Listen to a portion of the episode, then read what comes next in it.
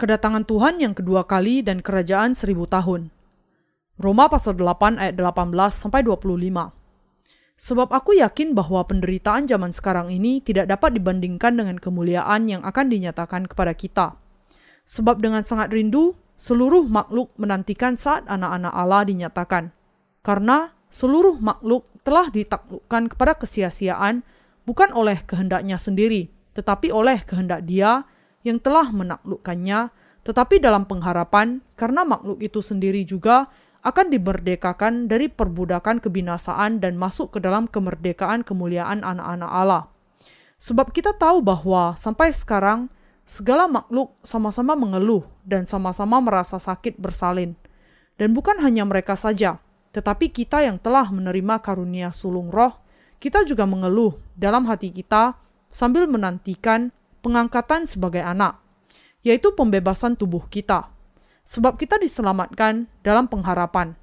Tetapi pengharapan yang dilihat bukan pengharapan lagi. Sebab bagaimana orang masih mengharapkan apa yang dilihatnya? Tetapi jika kita mengharapkan apa yang tidak kita lihat, kita menantikannya dengan tekun.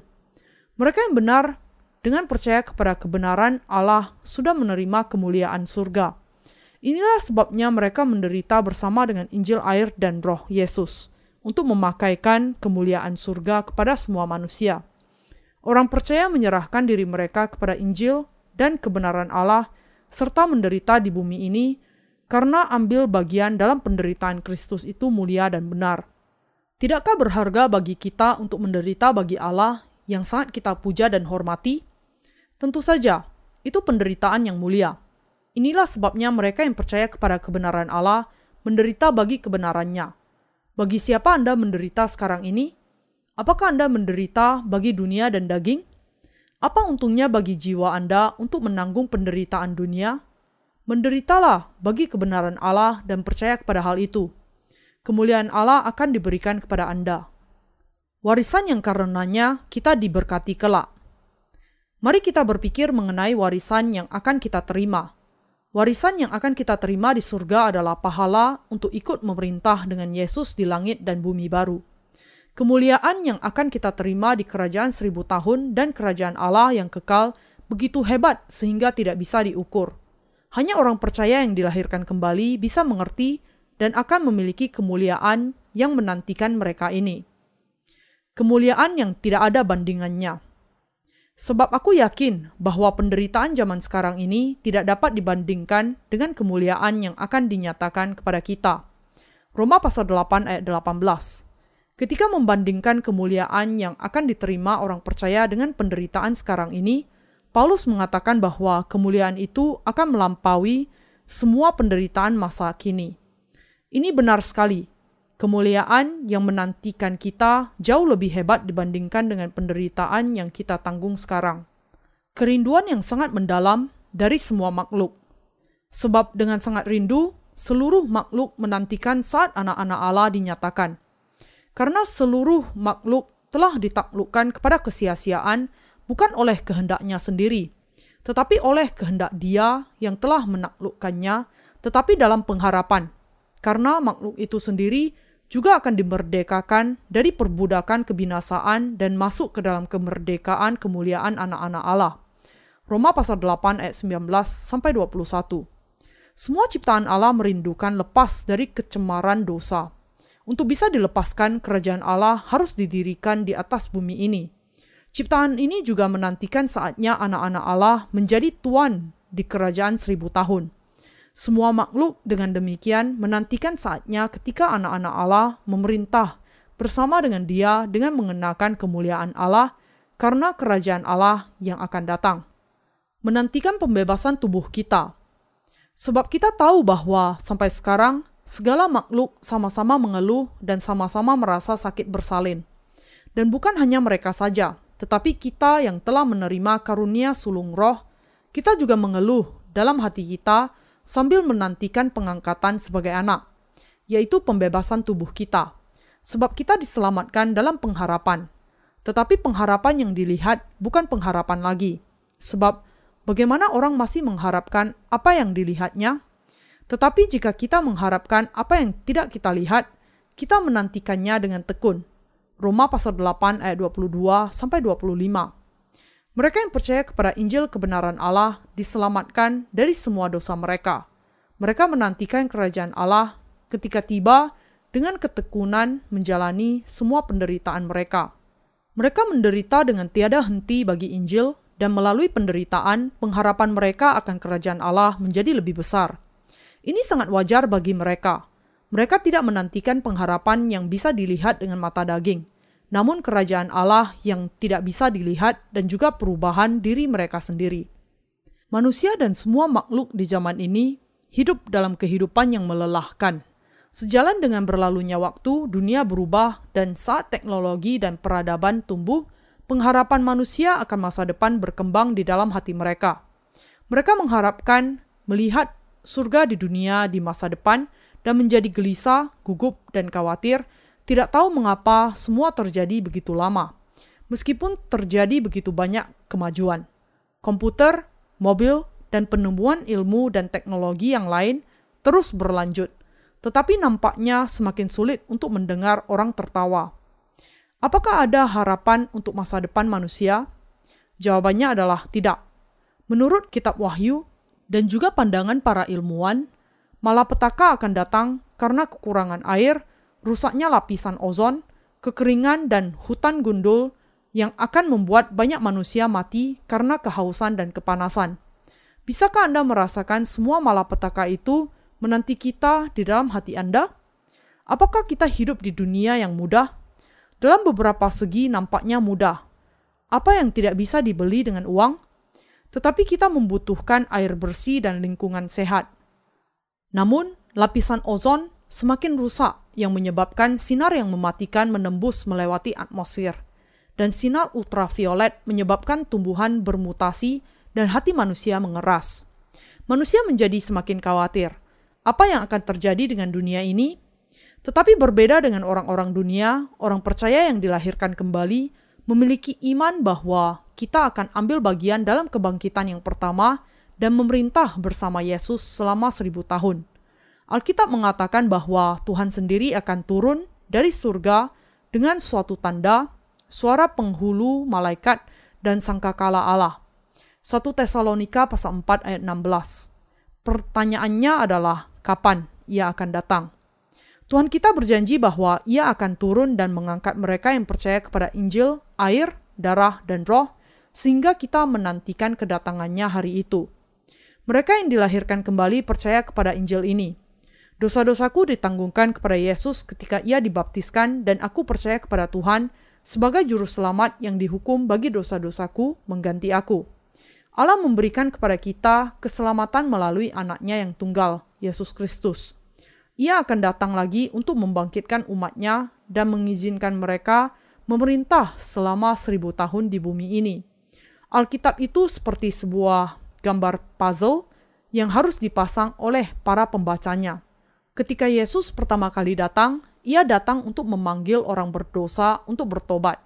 Ia menanggung dosa mereka di atas tubuhnya melalui baptisannya dan menanggung hukuman bagi mereka melalui darah yang dicurahkannya di kayu salib.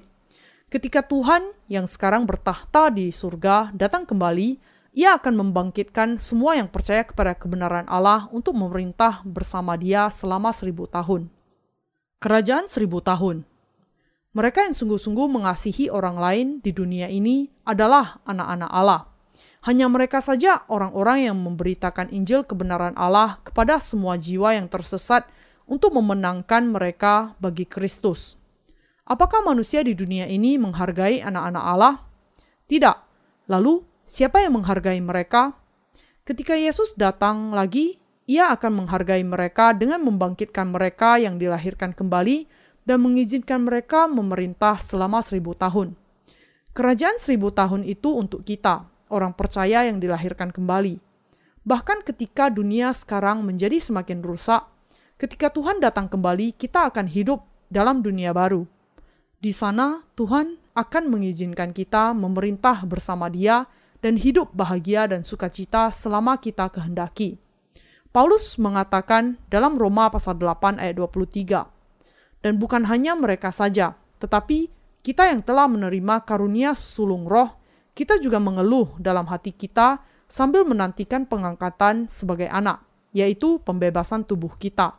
Apakah Anda menantikan datangnya hari itu? Bahkan kita yang memiliki buah sulung roh mengeluh di dalam diri kita dengan sangat rindu menantikan pembebasan tubuh kita. Allah mengatakan bahwa Ia akan membangkitkan kita, mengubah tubuh kita, dan mengizinkan kita untuk hidup bersama Dia. Kita yang sudah dilahirkan kembali sebagai orang-orang benar, berharap dan menantikan kedatangannya yang kedua kali melalui Roh Kudus. Kita mengeluh di dalam diri kita. Orang percaya yang dilahirkan kembali tahu akan seperti apa dunia ini. Apa yang diramalkan para peramal mengenai masa depan tidak berarti apa-apa. Orang percaya yang dilahirkan kembali tahu dengan pasti apa yang akan terjadi di masa depan Bahkan kalau dunia berubah menjadi seperti yang kita pikirkan, tidak akan ada yang percaya kepada kita sekarang. Tetapi mereka yang percaya kepada firman Allah yang tertulis akan menunggu tanpa bermegah. Bahkan kalau orang lain tidak mengakui firman Allah dan memandang rendah mereka, mereka tetap hidup dalam pengharapan. Mereka yang tidak percaya karena itu harus menerima keselamatan sebelum kehidupan mereka berakhir. Mereka harus percaya bahwa Yesus menanggung dosa mereka melalui baptisannya dan dihukum menggantikan kita di kayu salib. Hanya dengan itu mereka bisa masuk ke dalam kerajaan Allah ketika hari akhir tiba. Kemudian kita akan diberi penghargaan dan masuk ke dalam kerajaan surganya untuk mendapat kehidupan kekal. Apakah Anda sedih? Apakah Anda lelah? Atau apakah Anda puas dengan hidup Anda? Kita harus mengerti dengan jelas dan percaya bagaimana Yesus menjadi juru selamat sebelum kita meninggal. Kita juga harus mempersiapkan diri kita untuk kehidupan kita di surga. Dunia ini bukan segala sesuatu. Mengenal kebenaran ini, kita harus mempersiapkan diri untuk hidup di surga. Inilah yang dilakukan orang-orang bijaksana. Apakah Anda hidup bersenang-senang hari demi hari? Kalau ya, Anda orang bodoh. Mereka yang menghendaki yang lebih baik, yaitu tanah surgawi, dan yang mempersiapkan supaya mimpi mereka menjadi nyata dengan memasukinya, sebaliknya adalah orang bijak yang membangun rumah mereka di atas batu. Di dalam kerajaan seribu tahun, Allah menciptakan kita seturut dengan gambarnya dan mengkehendaki kita hidup dengan dia selamanya. Itulah sebabnya Tuhan datang ke bumi ini, menerima baptisannya dan mencurahkan darahnya untuk membebaskan kita dari segala dosa kita. Mereka yang percaya kepada kebenaran Allah hidup dengan Tuhan, dan Tuhan akan menghargai mereka. Tuhan akan menghapuskan kesulitan dan kesepian yang selama ini kita alami. Allah memperbaharui segala sesuatu. Ia akan mengizinkan dunia baru terjadi, di mana anak kecil bisa memasukkan tangannya ke sarang ular dan tidak akan digigit. Yesaya pasal 11 ayat 8. Kita harus percaya dan dengan sangat menantikan apa yang tidak kelihatan, berharap akan datangnya hari itu dengan tekun. Kalau kita berkata mau menantikan apa yang kelihatan, kita bodoh. Kalau sebaliknya, kita menantikan yang tidak kelihatan dan percaya kepada firman Allah, kita bijaksana. Setelah keselamatan kita, kita menantikan kemuliaan yang meskipun sekarang belum kelihatan oleh mata kita, pasti akan datang. Allah sendiri mengeluh lebih dari kita, tetapi masih membuat kita menunggu. Dengan sangat rindu, kita menantikan daging kita diubahkan menjadi tubuh rohani dan memerintah ketika saatnya tiba. Apa yang dikatakan Roh Kudus yang berdiam di dalam diri kita? Untuk apa ia membuat kita menunggu?